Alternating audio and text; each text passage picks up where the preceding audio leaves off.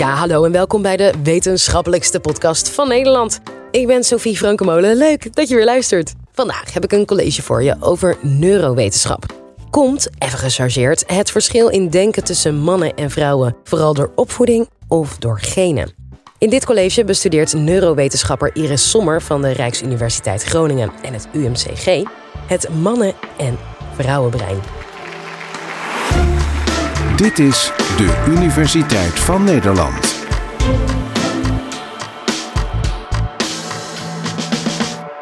Mijn stelling luidt: vrouwen en mannen hebben recht op ongelijke behandeling. Om te beginnen wil ik afrekenen met twee politiek correcte, maar wetenschappelijk onjuiste mythes. De eerste die zegt dat meisjes en jongens bij de geboorte precies gelijk zijn en dat verschillen tussen mannen en vrouwen uitsluitend ontstaan door invloeden vanuit de omgeving. De tweede mythe, die hangt daarmee samen, die zegt dat als we de jongens en meisjes nu maar precies gelijk behandelen, dat het allemaal helemaal goed komt. Ja, beide stellingen zijn pertinent onjuist. En door meisjes en jongen, mannen en vrouwen gelijk te behandelen, doen we hen allebei tekort. Laten we eens naar dat brein kijken. Een gemiddeld mannenbrein en een gemiddeld vrouwenbrein. Wat zijn de verschillen? Vrouwen hebben gemiddeld gezien kleinere hersenen dan mannen. En zelfs als je corrigeert voor lichaamslengte en voor gewicht, die natuurlijk ook groter zijn bij mannen, dan nog blijft dat verschil bestaan. Het brein van een vrouw weegt gemiddeld zo'n 200 gram minder. Dat is veel. Bovendien heeft het ook nog tot 17% minder hersencellen. Mannen hebben gemiddeld 23 miljard hersencellen in de grote hersenen. Vrouwen slechts 19 miljard. Nou, de eerste keer dat ik daarachter kwam, toen schrok ik behoorlijk. Kleinere hersenen en minder hersencellen, dat klinkt niet goed. Over het algemeen betekent dat ook minder intelligent. Maar gelukkig, daar is bij vrouwen niks van waar. Er is gemiddeld geen verschil in IQ tussen mannen en vrouwen, mits gelijk opgeleid. De hersenen van vrouwen werken dus anders, maar kunnen wel hetzelfde intellectuele vermogen opbrengen. Zo maken de hersencellen van vrouwen per cel gemiddeld meer verbindingen. En bovendien hebben ze een hogere verbranding, zo'n 15% Dat scheelt een stuk. Vergelijk ze maar met een Amerikaanse en een Europese auto. De mannen de Amerikaanse auto, de vrouwen de Europese. Ja, die Amerikanen is een heel stuk groter, maar uiteindelijk rijden ze allebei even hard. Er zijn dus grote verschillen in het brein. Maar er zijn ook verschillen in gedrag, in motivatie en in interesse. En die houden voor een deel verband met de geslachtshormonen. Het vrouwelijk hormoon oestrogeen en het mannelijk hormoon testosteron. Beide hormonen worden zowel door mannen als door vrouwen gemaakt, maar in andere concentraties. En beide hormonen hebben een groot effect op de hersenen en dus op ons gedrag. We gaan een reis maken door de tijd. En die begint nog voor de geboorte. Geslachtshormonen worden al in de baarmoeder geproduceerd. Baby's die in de baarmoeder een wat hoger testosteron hadden, ontwikkelen later gemiddeld meer interesse in objecten. Denk aan auto's, planeten, wapens, gebouwen.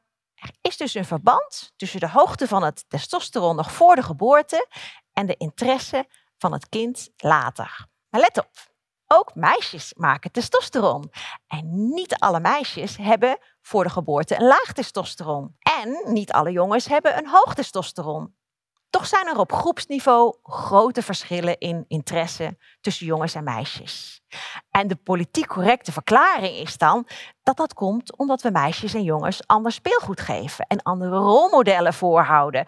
Denk maar aan de Suske en Wiske.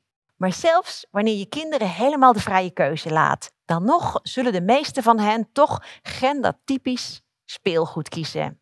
Kinderen hebben een duidelijke aanleg qua interesse, die via opvoeding heus wel bij te sturen is, maar die zich toch niet zomaar opzij laat schuiven.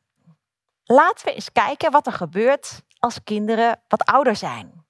De puberteit ontstaat door een sterke stijging van de geslachtshormonen. Die zorgen voor rijping van je lichaam. Maar die hogere geslachtshormonen die zorgen er eerst voor dat de hersenen goed uitrijpen. Omdat meisjes gemiddeld eerder in de puberteit komen, bereiken zij al eerder hun maximale breinvolume. Zo rond de leeftijd van 10,5. Jongens zijn daar veel later bij, pas gemiddeld met 14,5 bereiken zij hun maximale breinvolume. Dat zegt iets over de hersenrijping. En dat betekent dat meisjes al eerder optimaal gebruik kunnen maken van hun brein. Het voorste gedeelte van de hersenen, dat is juist het laatste wat uitrijpt. Dat voorste gedeelte, die frontale cortex, die is belangrijk voor vaardigheden zoals planning, zelfbeheersing en kritisch naar je eigen gedrag kunnen kijken. Meisjes kunnen die vaardigheden al veel eerder en hebben daar op school absoluut baat bij. Jongens krijgen die vaardigheden uiteindelijk ook wel onder de knie, maar juist in dat laatste jaar van de basisschool en de eerste jaren van de middelbare school, dan hebben zij daar duidelijk achterstand mee ten opzichte van de meisjes. Hun functioneren in die fase is doorslaggevend voor de rest van hun schoolcarrière. Het gevolg is dat jongens veel vaker blijven zitten en, en dat is ernstig, vaker school verlaten zonder diploma. Dat is dus een goed voorbeeld van hoe gelijke behandeling nadelige effecten heeft. In dit geval vooral voor de jongens. Oké, dat was de puberteit. Laten we weer een paar jaar vooruitspringen. Want ook op volwassen leeftijd spelen die geslachtshormonen nog steeds een grote rol op hersenen en gedrag. Ze stimuleren namelijk de aanmaak van een belangrijke boodschapperstof, dopamine.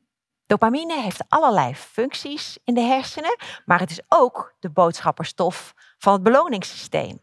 Zowel testosteron als oestrogeen stimuleren die aanmaak van dopamine. Maar testosteron doet het net even wat harder dan oestrogeen. Je zou dus kunnen zeggen, hoe hoger dat testosteron, hoe meer dopamine er geproduceerd wordt en hoe harder dat beloningssysteem werkt. En hoe harder wij willen lopen om dat ene doel te behalen. En dat doel is eigenlijk altijd sociale status, sociaal aanzien. En in onze maatschappij wordt die sociale status vaak uitgedrukt in geld of mooie spullen. Een geestige studie laat goed zien wat testosteron via dopamine met je doet. Men liet 243 mannen kiezen tussen steeds een prestigeobject, dat wil zeggen een bekend, enigszins poenerig merk, of producten van dezelfde prijs, van hogere kwaliteit, maar van mindere status. Hier heb ik bijvoorbeeld een indrukwekkende sportauto of een even dure, degelijke familiesedan. Van tevoren was bij alle mannen testosteron gemeten. En hoe hoger dat testosteron, hoe vaker de mannen kozen voor het prestigeobject. In dit geval de sportauto. Vervolgens werd die groep in tweeën gedeeld en de helft daarvan kreeg 100 milligram extra testosteron via een gelletje. Hun testosteron steeg. De andere helft kreeg een placebo-gelletje. Daar gebeurde niets. Opnieuw mochten alle mannen kiezen uit verschillende artikelen.